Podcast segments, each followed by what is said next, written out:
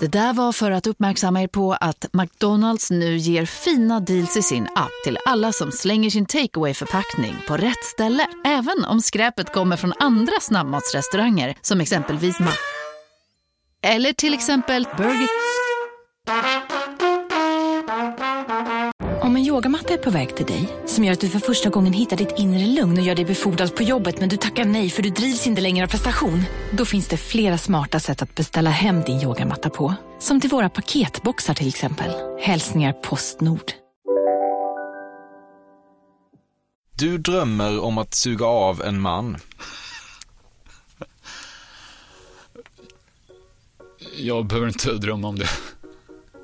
Du har gjort det redan. Eh,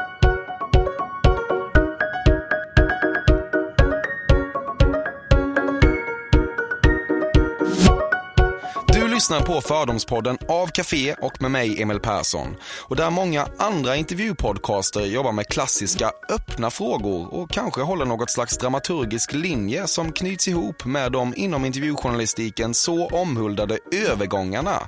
Går den här podden åt ett helt annat håll där frågorna är så pass slutna att de inte ens är frågor utan direkta påståenden.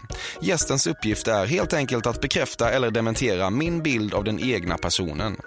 Idag handlar allting om den stilistiskt begåvade popkulturjournalisten Fredrik Strage. Han slog igenom på 90-talet, en tid folk älskar att beskriva som en era då rockjournalister i praktiken också var rockstjärnor när det gällde kändisskap och krogstatus. Han har publicerats i Pop, Bibel, Nöjesguiden och för all del även Café, men mer än något annat kanske i Dagens Nyheter där han tjänstgjort som mångårig recensent och fortfarande krönikerar varje fredag. Utöver detta har han skrivit böckerna Mikrofonkort och Fans och syns dessutom i Nyhetsmorgon typ varannan vecka för att leverera popkulturtips som ska swisha så högt över programledarnas huvud som bara möjligt. Detta är lustigt, tycker de. Strage är aktuell med sin sprillans nya krönikesamling och den heter 242.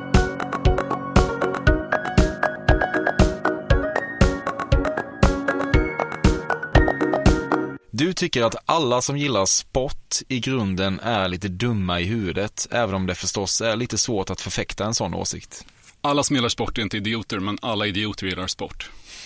Ja. Så kan vi säga. Hur många South Park-krönikor tål Sverige, har du aldrig tänkt? Jo, jag har tänkt mycket på det och i flera år så lovade jag mig själv att bara skriva två eller maximalt tre South Park-krönikor om året.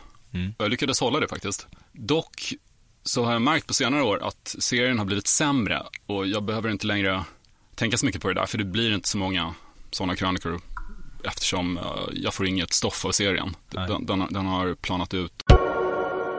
TV-ögonblicket när Marcus Fagervall framförde David Bowies Life on Mars i Idol och juryordförande Peter Swartling blev så rörd att han ställde sig upp, lämnade podiet, stegade fram över scengolvet, tog av sig sin cowboyhatt, la ena handen på artistens axel och sa “Du dödade den” är bland det roligaste du vet. Jag har faktiskt eh, varit förskonad från det här tv-ögonblicket, men jag kan säga att ögonblicket då idoldeltagaren Tove Styrke tolkade låten I wish I was a punk rocker with flowers in my hair är ett av mitt livs absolut värsta ögonblick. Jag ville hacka ut mina ögon med gaffel Ja. och hugga av mina öron. Det sändes i tv hösten 2009 när jag låg däckad i svininfluensan. Jag, hade, jag var faktiskt vaccinerad mot svininfluensan och lyckades ändå få den. Ja. Samtidigt som jag precis hade fått barn, så jag var tvungen att isolera mig själv i en annan lägenhet. Jag satt i en, mina föräldrars lägenhet på Östermalm ensam och det var, var inget bredband eller någonting, så jag, jag kollade på Idol.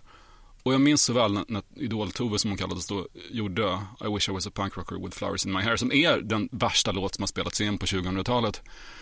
Och alla i, i juryn sa, det här är fantastiskt, Tove. Mm. Hon dödade den. du dödade den. Ja. Och Alltså låten, I wish, alltså en punkrockare ska inte ha blommor i håret såvida inte punkrockaren vill bli stenad av andra punkare. Du har helt enkelt slutat åka till Berlin sedan Berghain-turismens grova intåg. Ett Berlin fullt med avtändande medelklass-svenskar i moskotbrillor som inte ens kan stava till Hansa-studion är sannoliken inte ditt Berlin. Och det, det där tar jag verkligen som en komplimang. Jag är rädd att jag inte är i närheten av att var så pass snobbig. Faktum är att jag aldrig har varit på Berghain. Jag, jag har helt enkelt inte vågat gå dit för jag tror inte att jag skulle bli insläppt. Min, min fru var där på den tiden det fortfarande var superdekadent och uh, hon var där för att skriva boken Faghag. Det skulle kännas som ett sånt misslyckande om jag inte blev insläppt medan hon valsade rakt in. Så jag, jag har inte varit där. De gånger jag varit i Berlin som har varit några av de bästa nätterna i mitt liv så har mina bekanta i Berlin ständigt pratat om att ah, Fredrik, det här, det är inte vad det en gång var det här. Det var ju mm. bättre förr här i Berlin. Mm. Medan jag har varit alldeles extatisk av glädje för att vi hamnat på någon galen. Vi var på en klubb som heter Schwutz, någon sorts eh, liksom queer indie-klubb där bandet Schwefelgelp uppträdde. Jag hade aldrig hört talas om dem, Schwefelgelp, svavelgul på, på tyska. Um, vi gick dit, ner till den här källaren och så står världens bästa neo-bodyband och pumpar på den här lilla indieklubben. Det var så perfekt ögonblick. Och ändå alla omkring mig, ah, ja men du vet, skulle varit här på slutet av 90-talet, det var då det hände. Nu börjar det bli väldigt gentrifierat och man ska aldrig lita på de här personerna som klagar på att städer som New York eller Berlin eller Paris har blivit gentrifierade och tråkiga, utan det är alltid bra. Det är viktigt för dig att vara en person som älskar filmen Snakes on a Plane i allmänhet och repliken I've had it with these motherfucking snakes on this motherfucking plane i synnerhet. Jag älskar den filmen och jag älskar den repliken. Ja. Men eh, det är snarare lite smärtsamt medveten om att många av mina gamla kollegor på tidningarna Pop och Bibel tycker att det är extremt töntigt beteende och att man ska vara mer sofistikerad än så. Det är lite, jag, skäm, jag skäms lite för hur mycket jag älskar hela, nu är inte det en Quentin Tarantino-film, men det är en, eh, det är en Tarantinsk replik. Och, mm. och jag, cast, delvis. Och cast, delvis. Uh, men jag tycker väldigt mycket om det, men jag, jag också, um, det är inte viktigt för mig att vara en sån person, utan jag försöker snarare vara en person som droppar repliker ur, ur um, Fassbinder-filmer istället. Fördomspodden sponsras återigen av Air Up. Och Air Up är en innovativ flaska som smaksätter helt vanligt kranvatten med doft.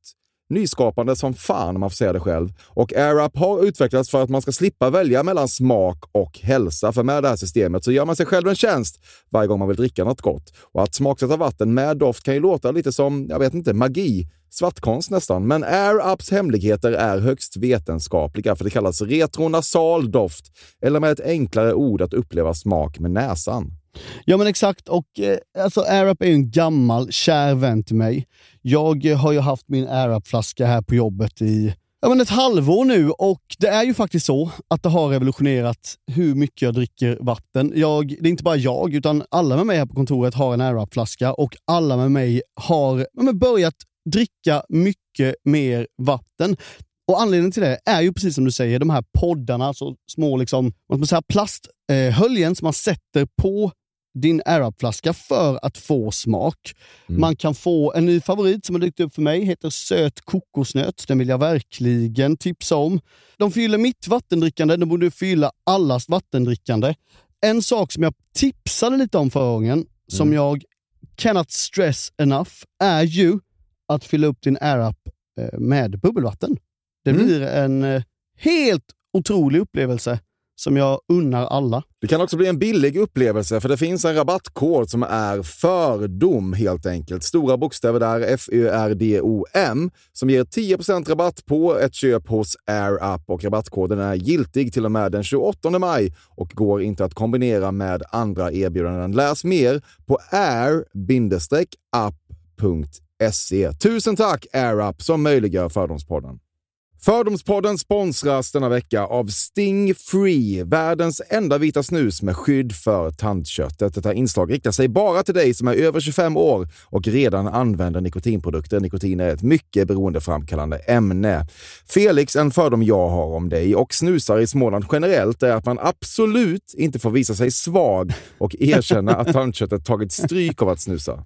Så är det verkligen Emil. Men visst fan får man skäll av tandläkaren alldeles oavsett. Och en då, som jag kan berätta, som länge trodde att hans tandkött tålde hur mycket snus som helst, det var Bengt Wiberg i Stockholm. Men när han fick ont i tandköttet och tandläkaren sa åt honom att sluta så var han inte så stöddig längre. Och då fick Bengt Wiberg en tokig idé. Han tänkte, vad händer om jag sätter plåster på tandköttsidan av prillan? Är det sant? Ja. Och det funkar alltså? Alltså man plåstrar prillan för hand, så att säga? Ja, precis. Plåster på tandköttsidan av prillan testade han och det funkade otroligt nog. Och snuset smakade fortfarande gott och levererade nikotin precis som det skulle. Men det är ju liksom... Det måste ju ändå vara revolutionerande det här. För en riktig skitgrej med snus är ju att tandköttet tar stryk. Eh, och det här låter ju ändå som en, någon slags produkt som är, blir lika självklar som typ ja, men bilbältet eller en cykelhjälm eller vad som helst. Ja, precis. Ja, men vi, vi är många som har haft problem med det här genom åren sannoliken. Och nu är den här idén patenterad och istället för plåster så är det blå skyddet inbyggt i prillorna. Och Sting Freeze produkter finns att köpa i butik och på nätet. Så läs mer om världens enda vita snus med skydd för tandköttet på stingfree.se. Tack Stingfree! Och tack Bengt Wiberg! Verkligen. Fördomspodden sponsras av Bastard Burgers som är den norrländska burgarkedjan som ju finns över hela landet plus i Oslo, i Helsingfors och New York och de serverar svenskt nötkött och har en stor vegansk meny. Och vi ska prata lite mer om det här eh, signaturburgarkonceptet för 2024 som går ut på att det varannan månad presenteras två nygamla signaturburgare som gör efterlängtad comeback på Bastard Burgers och det heter ju Hall of Fame. Ja men det ska vi verkligen, men innan vi ska dit så skulle jag vilja lyfta en sak Emil. Nu kommer sommaren, nu kommer after work-tiden. Man känner hur det spritter i benen. Mm. Ta den after work på Bastard Burgers, för vet du, förutom liksom den härliga ambiansen så har de ju spicy nuggets på menyn. Vi pratade om detta förra veckan. De har ju haft chicken nuggets på menyn ett tag, men nu finns det alltså spicy nuggets. De har tagit det till en nivå till. Det skulle jag verkligen vilja tipsa om nu när sommaren kommer. Att öl eller någon annan slags beverage och spicy nuggets, där har du en AV i min smak. Mm. Och också det, just det här att Spicy Nuggets nu kommer finnas permanent på Just menyn. det, Jag tycker det finns en verkligen. otrygghet i, i, i vissa eh, matkedjor när, när vissa grejer bara återkommer då och då och man vet aldrig om ens favoriter finns där. Men Spicy Nuggets som är godare än vanliga nuggets som man är lagd åt ett spicy Mm, hållet, vilket jag är, kommer nu alltid finnas där. Det finns en trygghet i det. Jag vill också slå ett slag för att det nu i maj släpps även en ny signaturburgare och det är alltså ingen mindre än The Notorious Chili Cheese. En burgare med chili cheese på. Man minns när chili cheesen kom in i ens liv och förändrade livet till det bättre. Det är ostigt, det är starkt, det är otroligt. Det innehåller alltså massa ost och lite jalapeno och allt detta kan du såklart få om du laddar ner appen för Bastard Burgers och beställer eller för guds skull går till en fysisk restaurang. Tusen tack Bastard Burgers som möjliggör Fördomspodden. Tack Bastard! Du besökte självmordsskogen i Japan innan det blev coolt. jag, jag har aldrig varit i Japan. Om jag åkte dit skulle jag åka direkt dit. Direkt taxi från flygplatsen. Du vet att en krönikesamling är bland det tröttaste man kan släppa, men du orkar inte riktigt skriva nya böcker från scratch och kommer det ett förskott på 50 000 kronor förbi så sveper du det. 100 000. Du vet att du är typecastad som ett slags husdjurs-weirdo i Nyhetsmorgon, men eftersom du känner dig helt trygg i uppfattningen om att det egentligen är mysfascisterna i soffan som är de konstiga och du som är normal, har du inga som helst problem med att ställa upp i programmet på den premissen. Nej, verkligen inte. Så är det. Så, så är det. Så är det. det. Det är helt korrekt. Uh, vad sa du? Husdjursbys-myffo? Weird, husdjurs-weirdo. Husdjurs-weirdo. Ja. alltså, uh, jag, jag, jag tänker snarare att folk gillar mig för att jag är snäll och så här, säger smarta saker. Men husdjur... Ja, men i jo, Nyhetsmorgonredaktionen så, så behandlar de dig så. Jo, jag har ju, och anledningen till att Du det här... är deras driftkucku, anledningen fast, fast de är, de är eh, dina driftkukuer. Alltså, jag, jag, du menar att de skulle så typ mobba mig bakom min rygg alltså? Nej, det, det tror jag inte, men de tänker att nu blir det lite konstigt. Fast Absolut, snarare nu blir det du, lite fast konstigt du och- tycker att du har överlistat dem, för du tycker att det där sammanhanget är så jävla konstigt. Där inget An- mörker får finnas. Anledningen till att det här fortfarande pågår och har pågått sedan 2006 är just att det finns en viss diskrepans mellan vad jag håller på med och myset i morgonsoffan. Det, det är därför det funkar, det är därför det också blir mer intressant än om jag skulle sitta där och prata med själv, om, säg att Per Sinding Larsen var programledare och jag satt där med honom. Det skulle inte vara någon någon magi på det sättet. Det skulle säkert vara initierat och intressant och bla bla bla, men det skulle inte bli någon konstig, lite lätt obekväm situation ibland. Nu är det i och för sig mysbiten i soffan tenderar ju kanske sluka att jag har ju blivit en del av myset lite på senare år. Mm. Det, här, det här pikade ju när Anders Kraft var programledare. Mm. Som, verkligen, ha, som verkligen hatade hiphop. hatade. Och han, han kunde också säga saker som Robin, men finns det folk som ens kan lyssna på henne? Hon är ju värdelös ja. i programmet. Ja. Och då blev det väldigt kul för att Robin betyder väldigt mycket för mig. Mm. Så jag, jag, tror att det är ett av skälen till att, till att det där funkar. Det, det, det, är inte bara den här musiken kommer i veckan utan det är något annat också. Det är hur black metal möter stora trevliga tekoppar. Du har en liten dragning till mangaporr i allmänhet och subgenreavknoppningen futanari i synnerhet. jag, vet inte vad futanari är, vad är det? Jag tror att det är eh, en slags transversion av eh, liksom ordinär mangaporr, tror jag. Transversion av ordinär. Alltså, tentakelporr är jag väldigt fascinerad av. Sen en, en sen natt i Berlin då hamnade på en, eh, en klubb där de hade ställt ut verk inom tentakel... Vad är det då? Tentakelporr är geishor som, uh, eller bläckfiskar som går ner på geishor egentligen. Ja. Mest och penetreras av, av, av bläckfiskar. Ja. Um, så tentakelporren är extremt men det är, är, det tecknat eller är det på riktigt? Det, det, nej, nej det är inte, jag, jag, tror inte att någon har lyckats regissera en nej. bläckfisk till, till, ett samlag på film. Eller tror du att någon har gjort det? Jag har faktiskt inte kollat. Nästan allt har ju ändå gjorts, generellt. Jag, känner, jag, måste, jag måste uh, kolla på, vad tror du kan finnas, X-Hamster eller någon sån här sajt. Man, man, man tittar efter Octopus, Japan, manga, mm. så kanske det går att få några träffar där. Ja. Men uh, jag, är, jag är relativt okunnig om japansk uh, populärkultur och porr faktiskt, om man jämför med den, den allmänna kunskapsnivån i Sverige som är extremt hög när det gäller allt sånt där från Japan. Du missar sällan en chans att nämna att det var Hugo Boss som designade tyskarnas nazistkostymer. Det berättar jag på varje middag. Så fort någon... Och sen går jag vidare från det till en utläggning om att Leni Riefenstahl var den första riktiga eh, popstylisten. Ja. Att Fan, uta, du uta, gillar att namedroppa henne. Just, just det, jag älskar hennes namn, Leni ja. Riefenstahl. Um, och jag, jag, sen håller jag en utläggning om att ja, men det, det går inte att tänka sig arenarocken från 80-talet och framåt utan Leni Riefenstahls idéer om stora arenajippon i Berlin på 30-talet. Det går ju en spikrak linje där, däremellan. Så alla Coldplay stod definitivt i tacksamhetsskuld till Leni Riefenstahl. Mm. Sådana utläggningar har jag hållit flera gånger. Du tänker att din stötvisa frasering när du pratar gör dig intressant? Fan, har jag en stötvis placering? Ja, jag hoppas jag... Man ibland säger folk att jag har en trevlig röst, så att det är mysigt ja, det behöver inte vara negativt. Mjukt och, ja men stötvis låter som att jag pampar. Du pausar ju lite grann i meningarna. Ja, jag, jag gör det, det stämmer. Mm. Du har aldrig sagt soppa om bensin.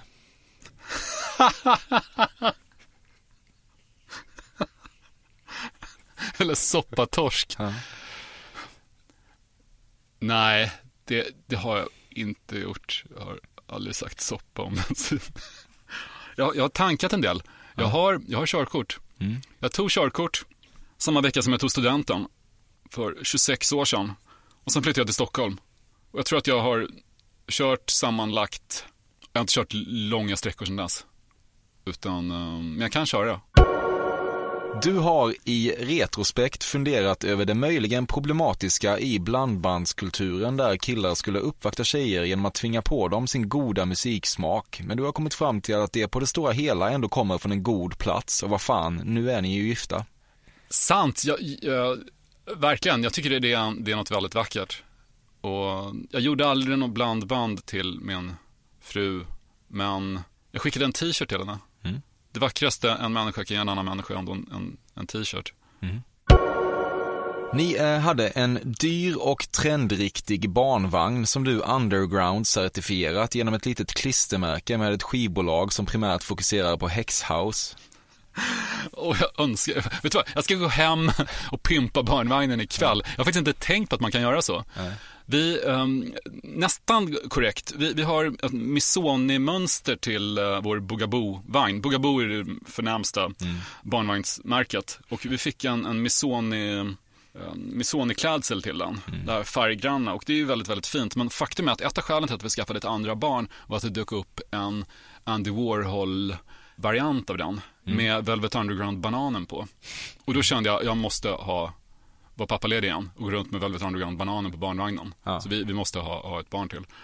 Um, sen visade det sig att den var utgången helt omöjlig att få tag på. Men vi, vi är ändå väldigt tacksamma över att ha två barn. Det, det är vackert. Ja. Mycket som var rätt här ändå känner jag. Ja, det är extremt rätt mm. och det kommer bli ännu mer rätt ikväll. Mm. Ditt vurmande för popgruppen Dolly Style handlar framförallt om att du vill visa att du kan uppskatta lite guilty pleasure-liknande musik också. Att det inte bara är svår häxhouse som flyger högt över Peter Gides diabeteshärjade tofslösning.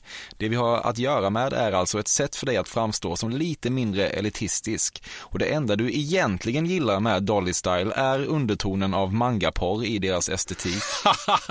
det, nej, det är inte... Jag, jag gillar Dolly Style genuint för jag tycker att det påminner om TLC eller, eller Bananarama, gamla girl group som, som jag älskar. Jag gillar inte alla Dolly Style-låtar. Jag tyckte Hello High var, var sådär när den kom faktiskt. Men jag, jag tycker att Glitter till exempel är en bedårande poplåt. Mm. Guilty pleasure-begreppet för mig handlar inte så mycket om den typen av barnvänlig, sockervadderad neonpop, utan riktig guilty pleasure för mig, det är någonting som var jättehippt för, för tre år sedan. Om jag till exempel skulle spela Jamie XX album ute, mm. det skulle jag tycka var lite, lite, lite pinsamt. Eller om, om jag spelade Kindness eller någon, någon sån artist som, som var svincool för, för tre, fyra år sedan. Det, det vore en mycket, mycket större utmaning för mig än att spela en Dolly Style-låt ute. För då, då skulle jag visa att jag inte har upptäckt mm. de artisterna förrän nu. Att jag verkligen ser på bollen. Mm. Men det, vad är det som gör att du måste känna behov av att tjata så otroligt mycket om Dolly Style? Jag tycker att det blir bra texter. Mm. Och det, det, där är en, en grej som jag kanske sällan erkänner att mycket av det jag skriver beror kanske, det är klart jag inte tycker att de är världens bästa band. Men när jag märker att någonting blir bra som krönika så tenderar jag att skriva om det. Även om det finns andra artister som jag jag lyssnade på, på ett album med David Eugene Edwards, han som hade bandet 16 Horsepower förut. Det, det, det är så sinnessjukt bra, går rakt in i själen. Men jag, det är så många andra som skriver om rotrock och alternativ country och så gör det så bra. Eller jag menar, jag, jag, jag älskar Springsteen. Jag tycker Springsteen är otrolig liksom, popkompositör. Men jag har inte skrivit en rad om Springsteen någonsin, helt enkelt för att det, det är inte min... Det blir inte så bra. Jag har inget att tillföra diskussionen. Mm. Medan um, om jag skriver om Dolly Style så händer det någonting. Det, det blir någon... Okej, det kanske inte händer så mycket nu, men jag har skrivit två många texter om dem också. De är ju med på listan över South Park och Dolly Style. Ja, ja förr eller senare kanske du måste ställa frågan hur många Dolly Style-krönikor Sverige tål också. Jag tror att den gränsen kan vara passerad. Passerat för länge sedan. Ja. Du skulle kunna bekymras över att dina fans i ganska hög utsträckning åldras med dig. Återväxten är så att säga trög, men istället väljer du att tänka att särintresserade människor kommer att behöva en nördciceron även längre fram i livet. Och medan exempelvis Jan Gradvall intresserat sig mer för mainstream-fåran på senare år, är det också strategiskt smartast av dig att bara fortsätta vara deras röst. Briljant formulerat och 100% korrekt. Om du måste välja mellan din fru och vänskapen med Henrik Delacour och killarna i Kite, blir det det senare? nej, nej, fy vad hemskt. Det fina, det fina där är att um, ja, det här sa jag faktiskt på Henrik Delacours bröllop när jag höll tal för ett par veckor sedan. Att, Fan, du höll tal där. Ja, ja. Om, um, om jag säger till min fru att oh, jag var ute med min kompis Anders igår kväll jag är lite bakis. Vi, vi drack ett par öl på, på Olssons. Då säger hon, nej Fredrik, du har faktiskt ett ansvar som småbarnsförälder. Det, väx upp. Om jag däremot säger, och jag är lite bakis, jag tog ett par öl med Henrik de la Cour på Olssons igår och sen så rökte vi crack och, och snodde en budbil och kraschade rakt in i korvkiosken på Medborgarplatsen. Då säger hon, nej men vad roligt, hur är det med Henrik? Okay. Han, han, han är en väldigt charmig person som hon älskar. Så jag tror inte att hon skulle gå med på att jag valde på det sättet. Nej. För då skulle inte hon kunna träffa honom mer. Nej, jag fattar. Du har vid minst ett tillfälle funderat på huruvida Per Gessle och Marie Fredriksson någonsin legat. Nej. Har du inte det? Jag har inte tänkt Aldrig? på det. Mm, mm. Varför har jag inte tänkt på det? Ja, det borde du ändå ha Varför? snuddat vid. Roxette är också ett band som jag har med tiden kommit att uppskatta lite grann. Vilken, vilken intressant fråga, för jag, när det gäller andra band så, så, tänk, så tänker jag så. De har kanske li- liksom, känns lite asexuella på något vis. Jag menar, äh, typ I break horses, eller nej absolut inte. Jag tyckte Marie Fredriksson var supersnygg när jag, när jag var i tonåren. Mm. Ja, jag får gå hem och fundera på det. Mm, får du göra.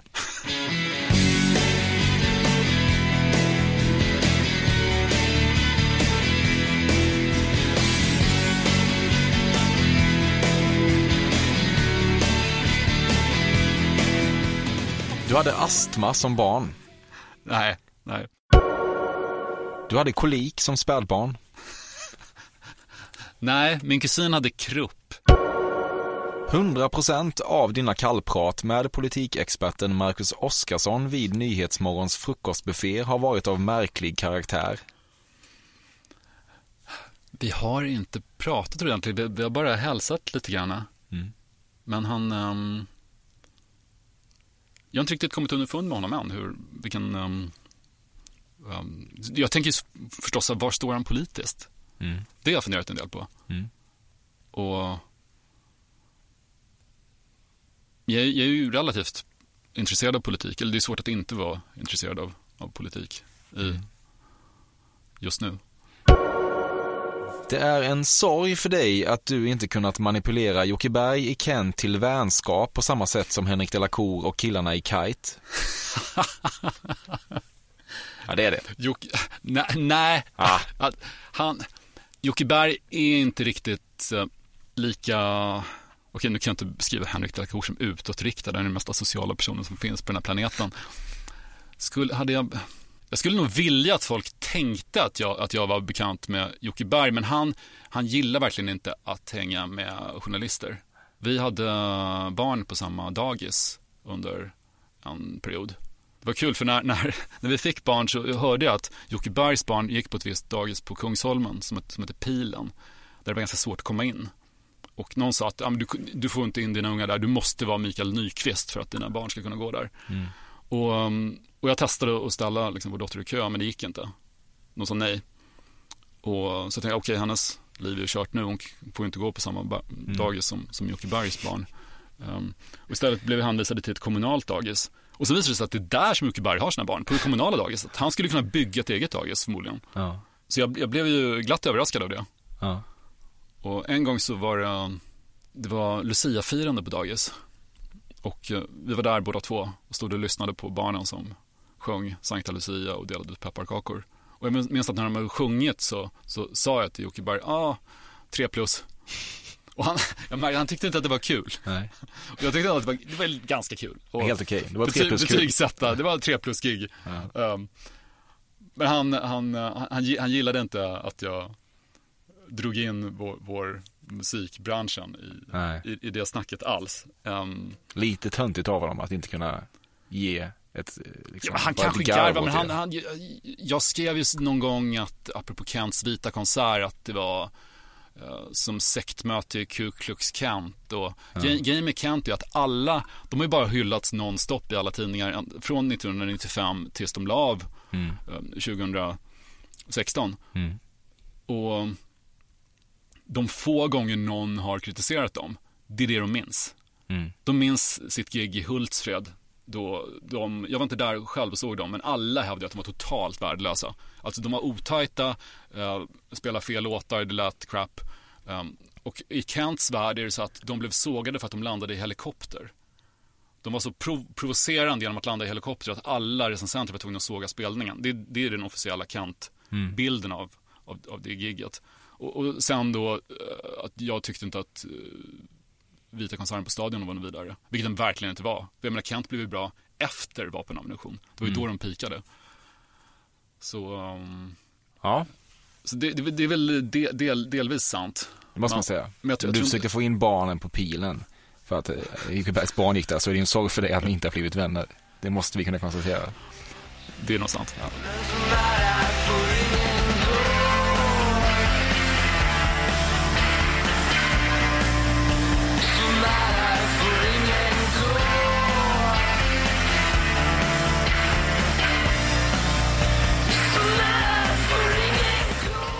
Lantisar är många gånger dummare än stockholmare.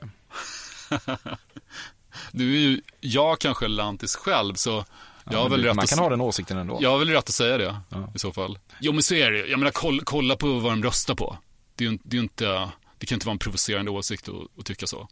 Många gånger, inte alla. Inte alla lantisar. Hashtag inte alla lantisar. Du tänker att ditt sätt att stå lite inåtvänd med fötterna gör dig intressant. Nej, jag tänker att det gör mig lite het.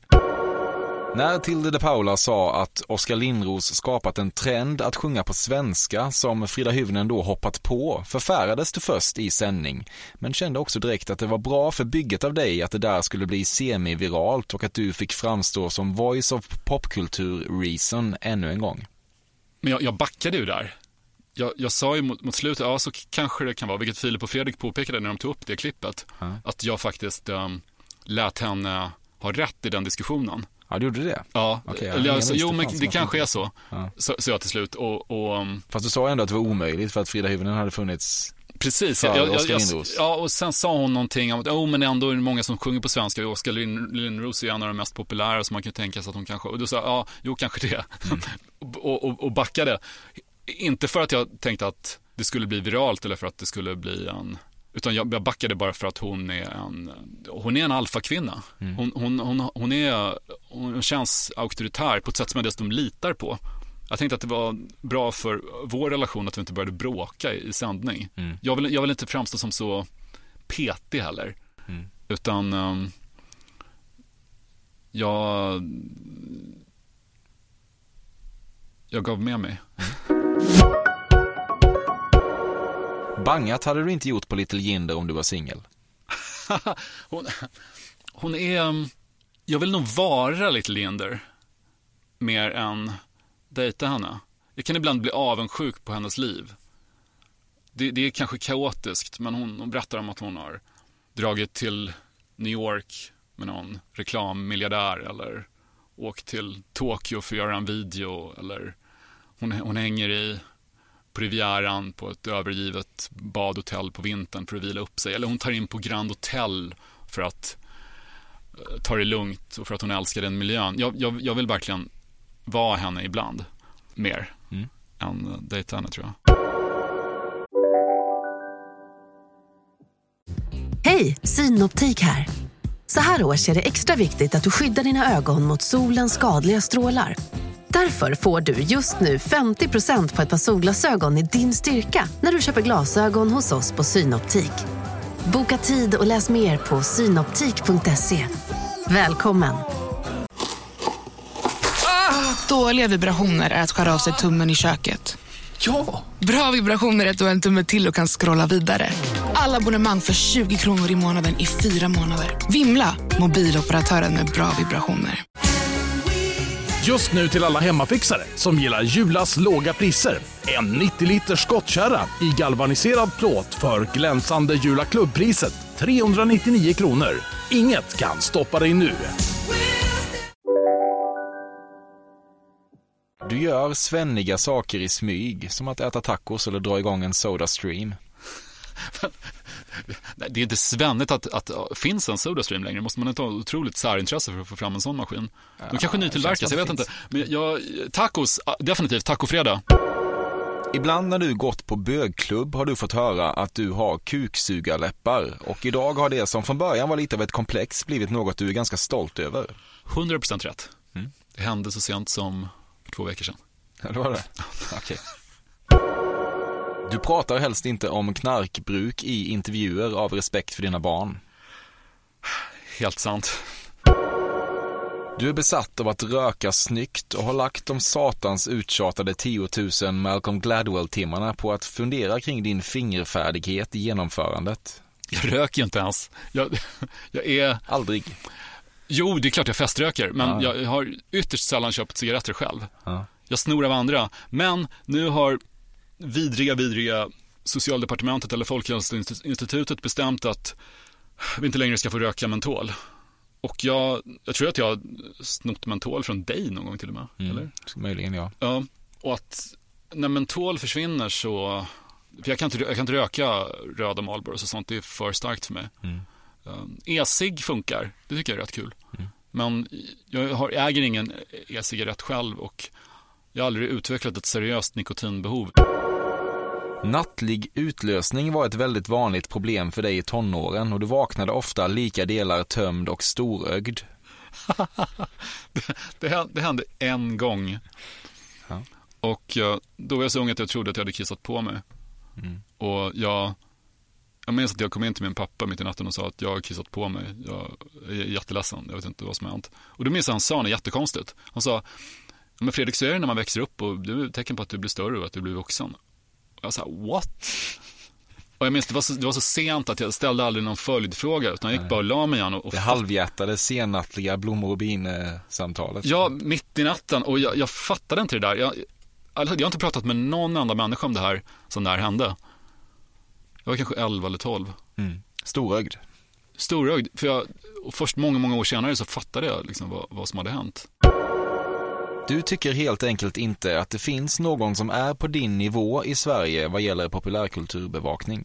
Jo, vad gäller populärkulturbevakning så, så tycker jag att många av de som jobbar på P3 till exempel och sitter och lyssnar på allting är betydligt bättre än mig. Jag tycker att någon som Gradvall är mycket, mycket bättre på att hitta nya tendenser inom amerikansk hiphop eller att studera topplistorna och se vilka artister som finns där, vilka och lyfta fram saker som jag inte har någon pejl på.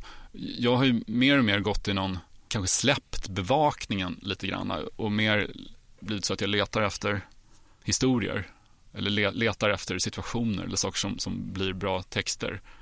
Så be bevakningen är, är, tycker jag nog att andra är, är, bättre på. Däremot så kan jag nog tycka att de, när jag verkligen, verkligen, verkligen får till en text så är det inte många i Sverige som är lika roliga som jag. Eller som kan få samma mix av någon typ av vemod och eh, smarthet och mina förebilder där, jag, det fanns en eller finns en krönikör som heter Stefan Andé som brukade skriva mycket i Femina, en damtidning som min mamma köpte när jag var liten. Jag, han, det, det, det spelar aldrig någon roll riktigt vad det handlar om. Det handlar alltid om att hans mamma hade kafferep och han satt sig under bordet när han var liten och lyssnade på damerna som tisslade och tasslade och käkade sju sorters kakor. Och jag menar, egentligen världens tråkigaste ämne, men det var alltid kul att läsa. Han, det var så tydligt att det, att det fanns en speciell värld som var Stefan Andé-världen jag tror att jag har varit, det har tagit lite tid, men jag tror att jag har hittat en, en värld som, som är min. Där eh, vissa saker är klichéer, men man använder dem på ett sätt så att det känns, jag använder dem liksom på ett effektivt vis och kan, folk, folk vet, folk känner igen min stil. Och det, eh, så där är jag vad pratar jag om egentligen? Jo, jag, jag, jag sitter och skryter, jag sitter och skryter om, om min, min formuleringsförmåga. Mm, And I'm that little bit of hope when my back's against the ropes. I can feel it. Mm, I'm the world's greatest. The world's greatest. Du var lite mobbad som barn och så här i efterhand kan det störa dig. Hellre antingen helt omobbad eller rejält mobbad så att man åtminstone kan göra innehåll av det på något sätt. ja, jag, var, jag var lite mobbad. Men inte så pass att det går att göra någonting av det. Det är faktiskt helt korrekt. Mm. Verkligen. Ja.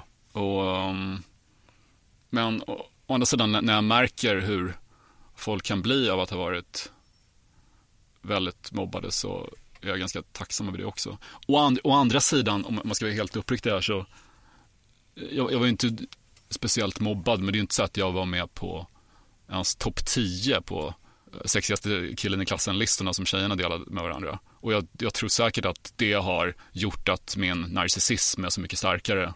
Eller att jag har ett, självbekräft, ett bekräftelsebehov som vida överstiger det som några av mina gamla klasskamrater har. Mm. Och, jag, och jag, jag, får, jag, kan ju få en sån här kick av att liksom vara, få en text publicerad i någon tidning som jag tycker är vacker eller att, att synas i tv eller att, eh, eller att någon känner igen mig på stan. Jag tycker det är askul. Då känner jag att wow, jag är någon, jag, är liksom, jag räknas. Så min, min massmediala karriär har, har tror jag, till viss, till viss del påverkats av det att jag inte var så liksom, het i högstadiet och, och, och mellanstadiet.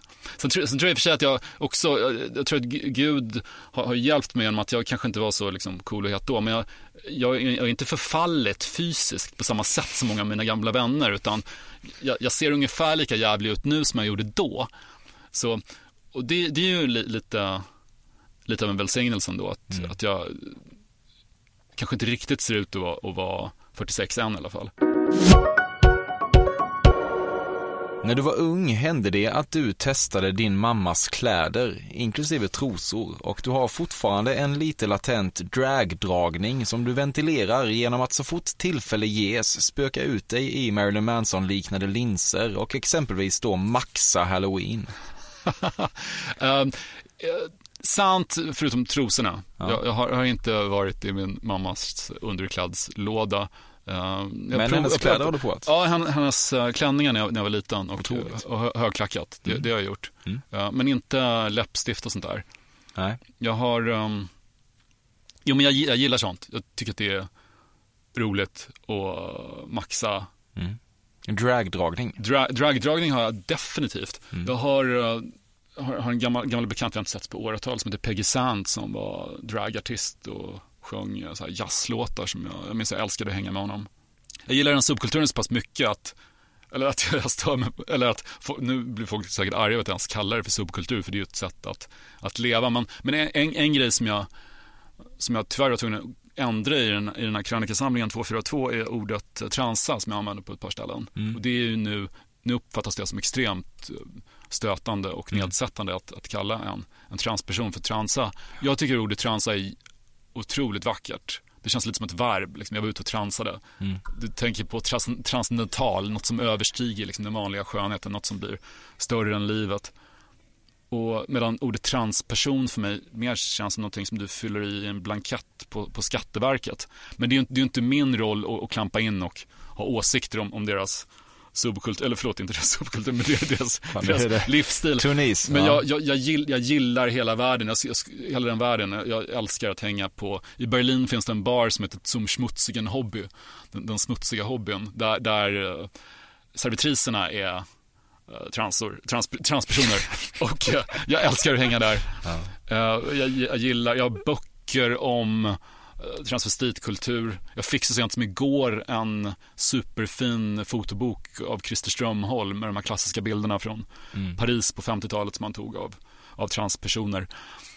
Och um, det, det, finns nog en del av mig som, som liksom gärna skulle köra Kanske, kanske, inte, kanske inte hela drag-grejen, men, men def, jag skulle nog definitivt, om jag hade liksom större testiklar så skulle jag verkligen gå all in oftare på hela sminkprylen. Mm. Nu blir det så att jag använder lite eyeliner om jag DJar ibland för jag tycker att det ser mm. tufft ut. Och för att jag ser lite yngre ut faktiskt. Fatöl är vulgärt, flasköl ska det vara.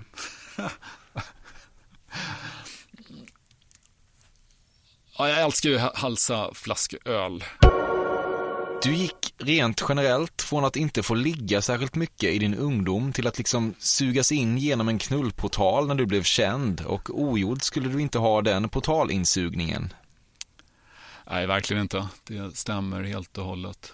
Det är så pass extremt att när, samma dag som jag började skriva för en ungdomstidning som heter Ultra, där Linda Skugge var redaktör. Samma dag som jag åkte iväg och gjorde ett reportage för dem så blev jag ihop med min första stora kärlek. Som jag sen var tillsammans med hela 90-talet. Mm. Ehm, jag, jag, har ju varit, jag, det har inte varit så mycket knullportal för att jag har ju varit singel ganska korta perioder. Jag har egentligen bara varit singel mellan april 99 och oktober 2000. Så det, det är bara det är knappt ett och ett halvt år som, som vi snackar om här. Men, mm. men eh, det, det var väldigt uppenbart att jag, att något hände när du började jobba med media. Mm. Framförallt när man började DJ också, det är en annan grej som är ett, ett DJ-bås är lite som ett raffset av trä. För, för killar i alla fall. Tranströmerskt. Tack. Du har hört av dig till Leila Kay och erbjudit dig att skriva hennes biografi. Nej, men jag har brevväxlat med Leila Kay i flera år när hon har, eller vi har, vi har kontakt när hon sitter inne helt enkelt, eller när hon är på rättspsyk. Då skriver hon brev till mig och jag svarar på dem. Och det handlar att jag ringer henne. Och jag skrev så mycket om henne i, i hiphopboken Mikrofonkåt som jag gjorde 2001 att jag kände att det räckte. Och sen fick jag nästan lite dåligt samvete för att det kapitlet blev så bra. Att det var ett av skälen till att, till att boken blev en succé. Och jag menar, alltså, som alla personer som, som skildrar någonting, en, en tragedi så kan du inte fly undan känslan att du lite, lite exploaterar henne. Så mm. jag, jag, har ju hjälpt henne med, med en slant då och då genom åren och uh, försökt uh, höra av mig till de personer som står henne riktigt nära. Vi är bara brevisar mm. uh, för, för, att kolla att allt är lugnt och jag, har, jag lobbade ganska hårt för att de skulle bli invald i Swedish Musical of Fame. Och jag tycker att boken som skrevs om henne av Petter Wallenberg är lysande. Den, men jag vet inte om jag vill skriva en, en bok om henne för jag har delvis gjort det. Du sitter på stories som inte skulle framställa Thomas Andersson Vi i särskilt bra dagar. Nej, det gör jag inte. Ja. Uh... Du eh, kan fortfarande häpna över att du 2008 tilldelades Stora Journalistpriset som årets förnyare bara för att du listat olika YouTube-klipp så sanslöst slappt av juryn. Ja, men jag tänker ändå att mina, mina texter om de här klippen var, var väldigt, väldigt bra, vilket, vilket, vilket de var. Och att uh, jag tänker också kanske att det här var ett sätt att uh, belöna andra insatser också. Det är klart jag skulle haft det priset, självklart. Kanske inte som årets förnyare. Det, det är lite märkligt i efterhand. Jan Emanuel skulle göra världen en stor tjänst om han lämnade den. Vem är det? Du drömmer om att suga av en man. Jag behöver inte drömma om det. Du har gjort det redan? Eh, det har jag gjort. Ja. Jag har även sagt i tuffa hiphopkretsar, vadå, man är väl inte gay för att man går ner på en snubbe? Varpå det har blivit ganska tyst. Ja. Gav det dig någonting? Ja, men man måste väl ha gjort det om man ska ha liksom känt att man har levt till 100 procent. Jag menar, herregud. Det är ju... Hade inte Café någon lista över de här grejerna måste du ha gjort innan du fyller 30? Det var, för mig var det en sån grej. Det här måste du ha gjort innan du fyller 30. Mm. Plus att uh, Marilyn Manson skriver i sin självbiografi att du är inte gay för att du går ner på en annan snubbe, men om du går ner på en annan snubbe samtidigt som ni lyssnar på The Smiths så är du gay. Ja. Eh, det får bli eh, slutorden. Vad eh, tänker du om den här upplevelsen, Fredrik? Jag är chockad över vilken insikt du har i, mitt psyke och jag kommer att uh, kontakta min terapeut för att kolla om hans uh, lokaler är buggade. Ja. Det är stora ord. Fan vad mysigt att du kom hit. Det betyder mycket för mig. Tack. Fredrik har förstås även en helt egen podcast som heter Hemma hos Strage. Jag tror att den har uppehåll just nu, men enligt honom själv så ska den komma tillbaka snart och han har redan börjat spela in avsnitt till en helt ny säsong. Fördomspodden emellertid börjar redan få upp farten i det som måste beskrivas som den femte säsongen sedan starten. Har man synpunkter på den så kan man mejla emil.perssonatcafe.se. Nya avsnitt släpps alltjämt varje onsdag och nästa vecka är det Agneta Sjödin som kommer hit och reder ut ett och annat. Din första sexuella upplevelse var med en hårborste. Nej. Tack till Carl Björkegren som komponerat den vignett som nu får vila lite grann och skapa utrymme åt ett av världens bästa band, nämligen Kite. Där är vi överens, jag och den gode Fredrik Strage. Vi hörs nästa vecka.